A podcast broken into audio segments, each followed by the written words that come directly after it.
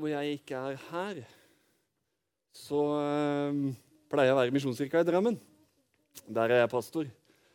Og øh, der har jeg lagt meg en sånn vane at det øh, kan være greit å le litt først sammen. Fordi at da får man litt sånn senka skuldre osv. Så eh, men så har jeg en, eh, et lite problem, og det er at en del av de kildene jeg har for vittigheter, er litt sånn eh, Ja, det er litt sånn at jeg blir i tvil om jeg kan ta det i kirka eller ikke. da. Eh, og da er det sånn at I Drammen så tør jeg ikke å ta de, eh, fordi at der kan jeg få sparken. Dere har ikke den eh, makten over meg og min stilling, så jeg tenkte at jeg prøver en av disse som er liksom på grensa her. Så, så får vi se. Så får dere gi meg en tilbakemelding etterpå. Kan jeg ta den i Drammen på søndag eller ikke? Er det en avtale? Ja. Um, det er uh, tre gutter, ofte tre gutter, som driver og prater om uh, hvordan disse babyene kommer. Er, hva er det det egentlig kommer av? Det at det kommer småbrødre og, og, sånn hjem til oss. så sier den ene gutten det at jo, pappaen min han er postmann, han jobber i Posten. Så det jeg vet, jeg kan fortelle dere, er at disse babyene de blir levert av en stork. Ja Jeg var ikke helt enig i de andre gutta. Jeg trodde ikke det helt var sånn. Så nummer to sier at nei, vet du hva? pappaen min han jobber på sykehuset. Så noe vet jeg om at disse babyene ja, de kommer fra sykehuset. Ja, ja, De andre kunne være enige i at jo, de hadde vært innom sykehuset og henta en lillebror. Ja, de kunne kanskje være enige, men tredjemann sier nei, vet dere hva? Pappaen min han er politiker. Og det skal jeg fortelle dere, at det er verken sykehuset eller uh, storken. Men det varierer fra kommune til kommune. Mm? Er det ja eller nei? Ja eller nei til mandag? Ja. Så bra. Vi skal se på en uh, historie fra Bibelen sammen. Fra Johannes 4 handler om en mann, handler om en kvinne. Uh, det er den lengste samtalen i Bibelen som er gjenfortalt mellom Jesus og en annen person. Eh, så skal vi se da, om det kan være relevant på en dag som i dag, når det kommer fra en så gammel bok. Eh, jeg får hjelp til å få teksten oppå der, så kan du følge litt med. Vi skal lese Johannes kapittel 4. Så stykker vi det opp litt. Jeg leser først fra vers 3 til vers 8. Da forlot han Judea og dro igjen til Galilea. Han måtte reise gjennom Samaria. Og Der kom han til en by som het Sykar like ved det jordstykket Jakob ga sin sønn Josef. Der var Jakobskilden. Jesus var sliten etter vandringen, og han satte seg ned ved kilden. Det var omkring den sjette time. Da kommer en samaritansk kvinne for å hente vann. Jesus sier til henne, 'La meg få drikke.' Disiplene hans var nå gått inn i byen for å kjøpe mat. Vi ser en Jesus som er sliten. Disiplene måtte gå inn til byen for å kjøpe mat til ham. Eh, som de skal ta med tilbake til ham. Så mens eh, disiplene er borte, ja, da sitter Jesus og venter ved denne brønnen. Jesus han er på vei fra Judea til Galilea, og da må han gå via Samaria. Jødene, som er det folkeslaget Jesus tilhører, og samaritanerne, som er det folkeslaget denne kvinnen tilhører, ja, de var ikke bestevenner, mildt sagt. Hvorfor det? Jo, de hadde en del forskjellige tanker. De hadde noen forskjellige tanker om skriftene. De hadde en del uenigheter som var politiske. De hadde en del eh, religiøse forhold som de ikke var helt enige om. Eh, og forholdet mellom de var ekstremt dårlig. Når Jesus forteller den historien om den barmhjertige samaritanen til noen skriftlærde jøder, så er det en ganske ekstrem handling at han faktisk sier at denne barmhjertige personen var en samaritan. Eh, det er som å reise til Israel i dag kanskje og si at hva, det er Hamas som har rett. Det er ganske sånn tråkke langt over tærne og i det hele tatt er ganske ufin ved å bruke den sammenligninga. Så det var veldig anspent forhold mellom de folkegruppene. De forbannet hverandre faktisk. På sine religiøse samlinger så brukte de bønnestida til å si noe vondt om hverandre. De ba om at den andre ikke skulle arve det evige liv. Derfor vi har et lite kart her, derfor så var det vanlige når man skulle fra Galilea til Judea eller omvendt, å gå rundt Samaria.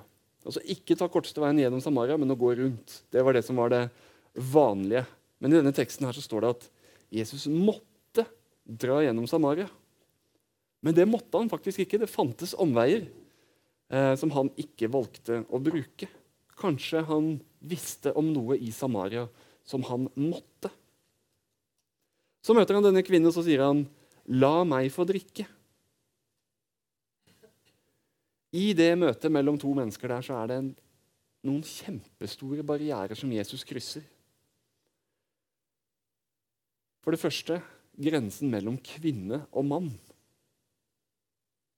Denne kulturen, denne konteksten, denne tida Kvinner og menn de snakker ikke sammen på den måten. Det andre var eh, religion. Så de tilhørte to ulike retninger av en religion. Så store forskjeller var det at de snakka ikke med hverandre. Og så var de forskjellig rase, forskjellig etnisitet. Så ser vi lenger ut i historien at moralsk så var nok Jesus og denne dama også på to forskjellige planeter. Alle de grensene krysser Jesus. Og skal jeg være ærlig om mitt eget liv og om mitt eget atferdsmønster, så tror jeg nok at det kan hende jeg hadde valgt å gå rundt. Det kan nok hende at jeg hadde valgt å gå rundt Samaria. Sånn billedlig talt, i hvert fall. Det er ikke alle personer jeg går rett på, men som jeg heller foretrekker å gå en liten omvei rundt. Det gjør ikke Jesus. Han tar kontakt med henne og sier, 'La meg få drikke'. Han sier, 'Jeg, en jødisk mann, jeg trenger det som du, en samaritansk kvinne, har'. Han gjør seg avhengig av denne kvinnen. Vi leser videre fra vers 9. Hun sier, 'Hvordan kan du, som er jøde, be meg, en samaritansk kvinne, om å få drikke?' For jødene omgås ikke samaritanerne. Jesus svarte, om du hadde kjent Guds gave og visst hvem det er som ber deg om drikke, da hadde du bedt ham, og han hadde gitt deg levende vann. Herre, sa kvinnen, du har ikke noe å dra opp vann med, og brønnen er dyp. Hvor får du da det levende vannet fra? Du er vel ikke større enn vår stamfar Jakob? Han ga oss brønnen, og både han selv, sønnene hans og buskapen drakk av den. Jesus svarte, den som drikker av dette vannet, blir tørst igjen. Men den som drikker av det vannet jeg vil gi, skal aldri mer tørste. For det vannet jeg vil gi, blir i ham en kilde med vann som veller fram og gir evig liv. Kvinnen sier til ham, 'Herre, gi meg dette vannet, så jeg ikke blir tørst igjen' 'og slipper å gå hit og hente opp vann.' Denne kvinnen har ikke delt så mye om sitt eget liv ennå til Jesus. Men likevel så sier Jesus, vet du hva? Du er tørst. Men det du tørster etter, det lar seg ikke slokke med et glass vann. Det vannet som du drikker her i denne brønnen, det gjør at du blir tørst igjen. Men så begynner han å snakke om det levende vann, som også kan omtales som rennende vann. Så sier dama, hvor skal du få det vannet fra? Du har jo ikke noe å øse det opp med engang. Og Jesus sier, 'Hadde du visst, så hadde du spurt, og så hadde du fått det.' Jesus gjør det veldig enkelt. Hadde du visst, så hadde du spurt, så hadde du fått det. Veldig enkel måte. Ikke et langt søknadsskjema, ikke noen uh, ting hun må oppfylle. Hun uh, må ikke gå på et visst kurs eller må ikke gå et år på skole eller tre år eller fem år. For å få det levende vannet Nei. For å få det levende vannet, nei, hun kan bare si du hadde visst om det, så kan du spørre om det, så får du det. Sånn er også frelsen. Så enkelt er det. Vet du om det, spør om det, så får du det. Men Jesus han ser denne damas behov. Han ser hennes virkelige behov. Det som virkelig er denne damas behov. Og da tenker jeg, hva om Jesus møtte meg ved en brønn i dag? Hva er det han hadde sagt til meg? Jeg ser hva du trenger, og det som jeg har, det skal du få. Du trenger ikke det du tror du trenger. Det er noe annet du trenger. Så tror jeg at vi bor i et samfunn hvor eh, det er på en måte konstruert rundt tørsten vår, rundt behovet vårt. Eh, vi lever i en uh, sånn markedskultur ikke sant? hvor jeg har lyst på noe, så kjøper jeg det, så genererer det arbeidsplasser som gjør at du betaler skatt, og så er velferden vår alt bygd opp rundt det. Så er det mye positivt med det, men så kommer det også en negativ side med det at vi bygger alt sammen på utilfredsstillede behov.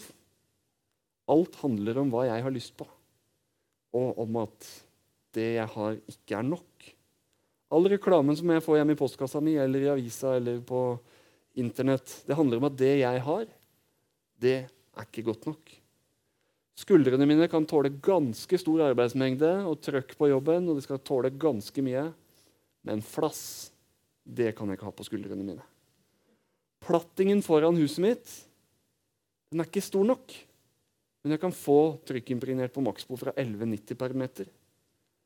Sikkerhetsutstyret på bilen min det har ikke nok bokstaver til å ta godt nok vare på de tre barna mine. Så jeg må kjøpe meg en ny bil. Uh, huden på låra min uh, Den er, er, mer til kona mi. Er ikke glatt nok. Uh, huden på låra mine ser du ikke, fordi jeg har ikke kjøpt den der fantastiske høvelen som tar det bort alt sammen. det jeg har, det er ikke godt nok. Jeg trenger noe mer. Jeg står i sentrum av en sånn tanke. Jeg får aldri nok. Jeg skal ha større, flottere, mer komfortabelt, deiligere. Jeg er stadig på jakt etter en ny brønn som kan slukke den tørsten. Så sier Jesus det er ikke noe galt med det vannet. Det er ikke noe galt med det vannet denne kvinnen var på jakt etter. Faktisk så var jo han også der for å drikke vann og satt og venta på et måltid med mat. Så det er ikke noe galt i det. Men han sier kommer, du kommer til å bli tørst igjen. Du kommer til å bli sulten igjen. Du blir aldri nok tilfreds. Det er bare tull at hvis du bare får prikk, prikk, prikk, fyll inn det som passer for deg, så blir alt bra. I min daglige kontekst i et Oslo-nært byggefelt så tørster vi gjerne etter noe vi kan få kjøpt.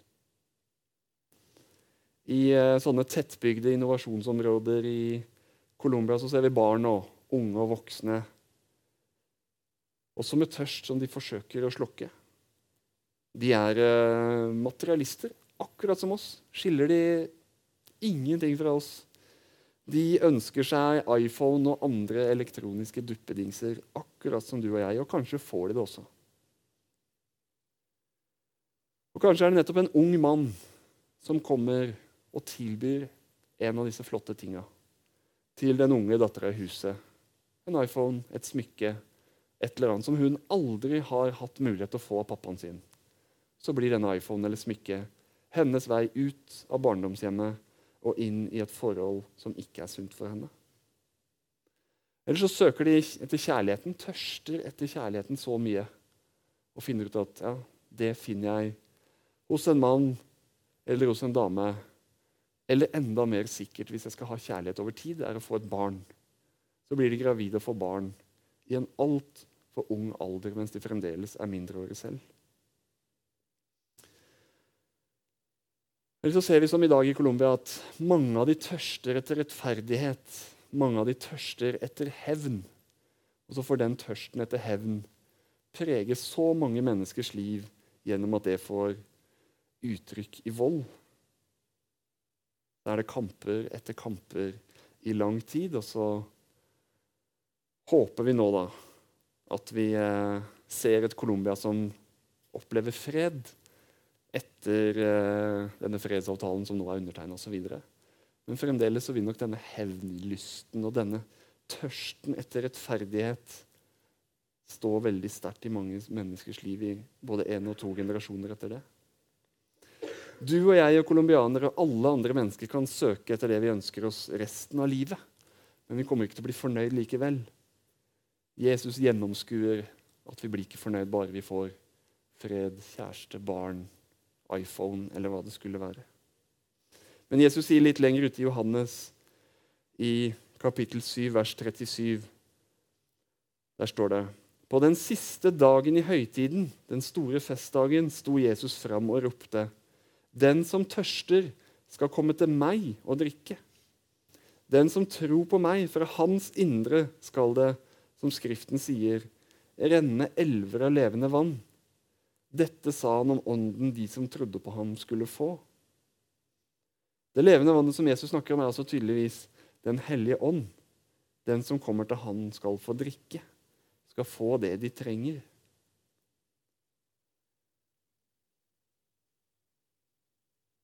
Det er ikke nødvendigvis noe galt altså, i å ha lyst på noe, men få Den hellige ånd. Det å bli kjent med Jesus, da blir vi fylt av Den hellige ånd.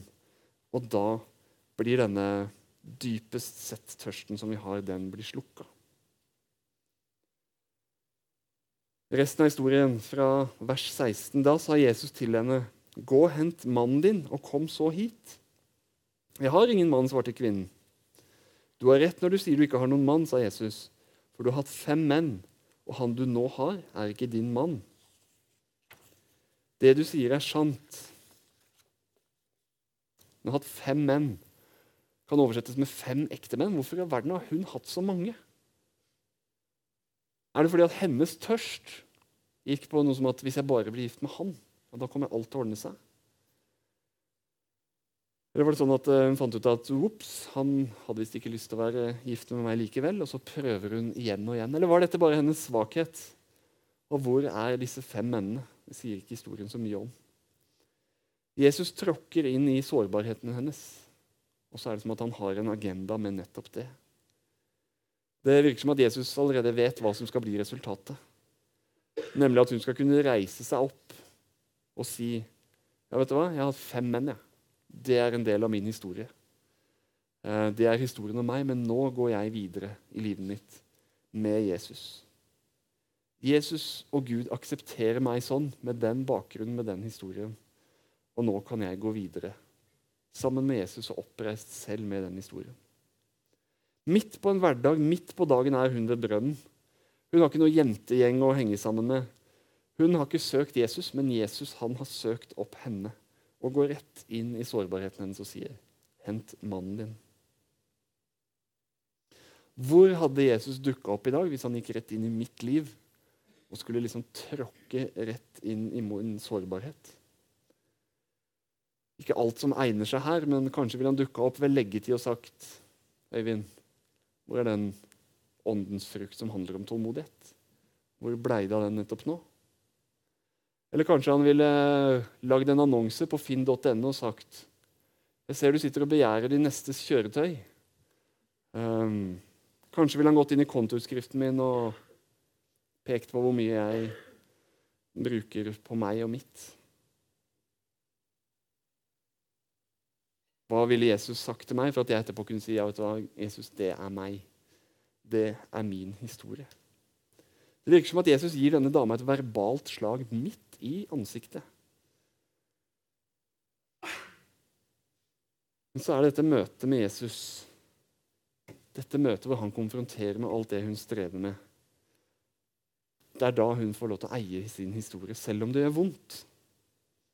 Ekte kjærlighet må vel være det å vite alt om et annet menneske og likevel si Vet du hva, jeg vet alt det om deg, men likevel så elsker jeg deg uansett. Jeg aksepterer deg. Hva som helst som skulle være din fortid.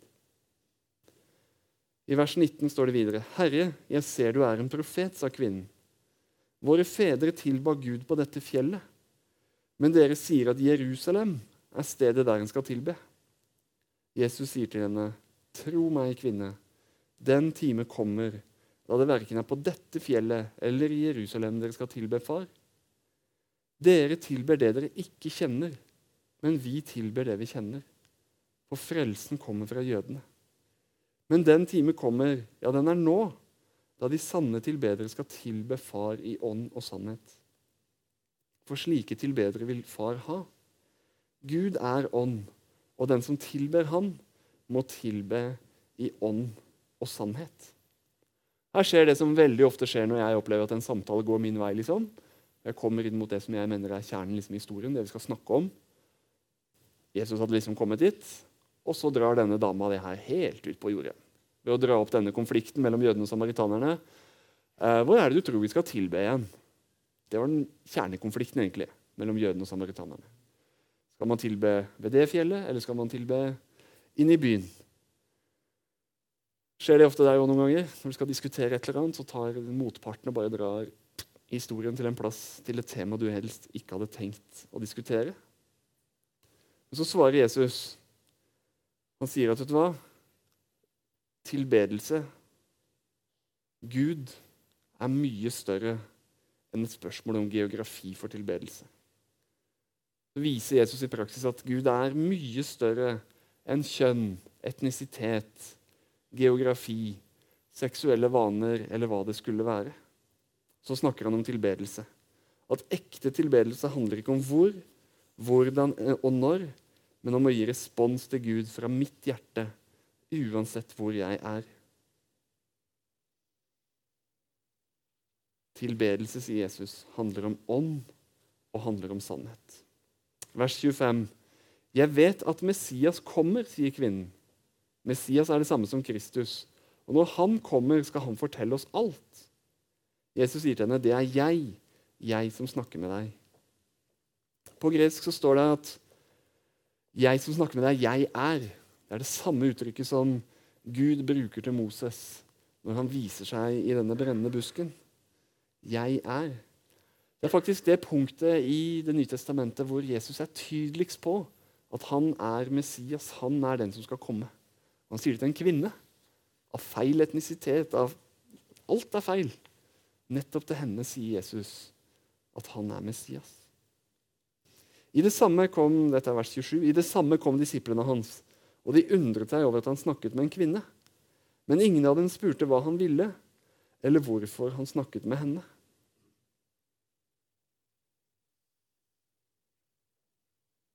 Så fortsetter handlingen sånn at kvinnen hun forlater vannkrukken sin der ved brønnen. Og så går hun tilbake til byen uten krukka. Og så roper hun ut inne i byen. 'Jeg har møtt en fyr. Kom og se.' Kom og se, kom og treff en fyr jeg har møtt. Han har sagt meg alt det jeg har gjort. Så Når hun løper inn i byen, så kan dere tenke dere i settinga. Det er en dame som har vært gitt med fem av de mennene som er i denne byen. Det er en dame som alle vet hvem er, hvilket gjør at hun tør ikke gå til brønnen samtidig som de andre er der. Hun har eh, sikkert tråkka inn i familielivet til store deler av den byen. Så er det hun som løper inn i byen. Så er det hun som roper, 'Hei, jeg har noe dere må ha tak i. Kom og se.' Og Da tenker jeg at i denne byen så er hun et ekstremt troverdig vitne. Nettopp fordi at du vet hvem hun er. Nettopp fordi de kjenner hennes historie. Nettopp fordi at de vet at hun har en vanskelig bakgrunn. Kanskje er det noe med henne hvordan hun ser ut denne dagen. Kanskje har det skjedd noe i ansiktet. Ikke vet jeg. Vi leser eh, fra vers 39. Mange av samaritanerne fra denne byen kom til tro på Jesus pga. kvinnens ord da hun vitnet. Han har fortalt meg alt det jeg har gjort. Det var det hun løp inn i byen og sa. Vet du hva, Jeg har møtt en mann som har fortalt meg alt det jeg har gjort. Og så bruker hun kvinners list. Kvinner er smarte. ikke sant? Og så sier hun han skulle vel ikke være hm? Hun kommer ikke med noen drøye påstander om at det er helt sikkert Messias. Hvem ville tro på henne? Men hun sier, 'Kom og se en fyr jeg har møtt. Han skulle vel ikke være?' Fra vers 40. Nå kom de til han og ba han bli hos dem, og han ble der i to dager. Mange flere kom til tro da de fikk høre hans eget ord, og de sa til kvinnen, nå tror vi ikke lenger bare av det du sa. Vi har selv hørt ham, og vi vet at han virkelig er verdens frelser. De hører kvinnens vitnesbyrd, og det er troverdig. Så kommer de til Jesus, og så blir de kjent med han. Nettopp pga. det denne kvinnen hadde delt, av det hun hadde erfart. Og jeg tenker Du som er her i dag, som har kjent Jesus en tid, eller kort tid, men som har en Jesus i livet ditt, som ikke nødvendigvis er, eh, har en bachelor- eller mastergrad i teologi, eller ikke nødvendigvis eh, er TV-pastor, eller hva det skulle være, men jeg tror likevel at du er et troverdig vitne. At nettopp du kan si, 'Vet du hva, kom og se'. Kom og prøv. Det skulle vel ikke være at den Jesus jeg kjenner, er den som kan slukke tørsten? Så tror jeg at om vi er fylt av Jesus, om vi er fylt av Den hellige ånd, så vil det merkes. I Johannes 1 så står det at Jesus han er fylt med nåde over nåde. Og jeg tror at hvis du eh, blir fylt av Den hellige ånd, så blir du også fylt av nåde. Og hva gjør det? Jo, det gjør at folk som møter deg, folk som kommer nært på deg, de opplever at de blir ikke konfrontert med det som er galt. De blir ikke møtt med en uh, tøff holdning, men de blir møtt med noen som viser de stor nåde. Noen som kan lede til levende vann, som det er gratis å spørre om, og som det er gratis å få. Jeg lærer noen ting av den teksten hvis jeg skal prøve å oppsummere sånn uh, fra toppen. Um, om ikke du er på leit etter Jesus, så oppsøker han deg. Jesus, han finner veien. Ingen kan uh, leve livet sitt så ekstremt at Jesus ikke kan finne deg og gi deg tilgivelse. Um, lærer vel også at vi må stå for vår historie, for det som er historien vår. Og ta et oppgjør med det og la det være en historie. La det være vår historie. Det er nødvendig. Uh, så lærer vi vel at de som møter Jesus, de blir aldri den samme igjen. Skal vi sammen? Kjære Gud og himmelske Far takker deg for uh, denne historien her, for denne historien om ditt møte med denne kvinnen. Takk for det eksempelet du var på oss på mange måter. Ved å ikke bry deg om etnisitet, religion, kultur, om folk har en vanskelig historie. Takk for at du er villig til å ikke ta omveien rundt oss mennesker, men at du er villig til å gå rett på. At du vet alt om oss, men likevel så sier du at du elsker oss helt betingelsesløst. Takker deg for at det er sånn du er, Jesus. Takk for at vi kan komme til deg uansett hva som eh, er våre utfordringer, uansett hva som er vår livshistorie. Takk for at vi kan komme til deg. Så ser du, Jesus, hva vi tørster etter. Takk for at du eh, også viser i denne historien at du hadde menneskelige behov, du også. At du tørsta på vann, og at du var sulten. Takk for at du også kan komme oss i møte når vi, når vi strever med de jordiske tinga. Når vi ønsker oss kjærlighet, når vi ønsker oss at en relasjon skal bli retta på. Når vi ønsker oss eh, barn, eller når vi ønsker oss annerledes ting i forhold til det materielle, så kan du også hjelpe oss der, Jesus. Men først og fremst så er du kommet for å slukke en tørst med det levende vann. At du kan komme inn i livet vårt og, og stille den tørsten. For at når du blir en del av livet vårt, så kan vi oppleve at den dype, indre tørsten vår den kan bli tilfredsstilt. Ønsker jeg å takke deg for denne misjonskirka her i Arna som jeg får lov til å besøke i dag. Takker deg for deres store engasjement for bydelen sin og lokalmiljøet sitt og for deres engasjement i Colombia, en bydel som jeg er veldig glad i. Må du velsigne rikt tilbake for det de har vært med å gi. Legge menigheten og resten av denne gudstjenesten i dine hender. Amen.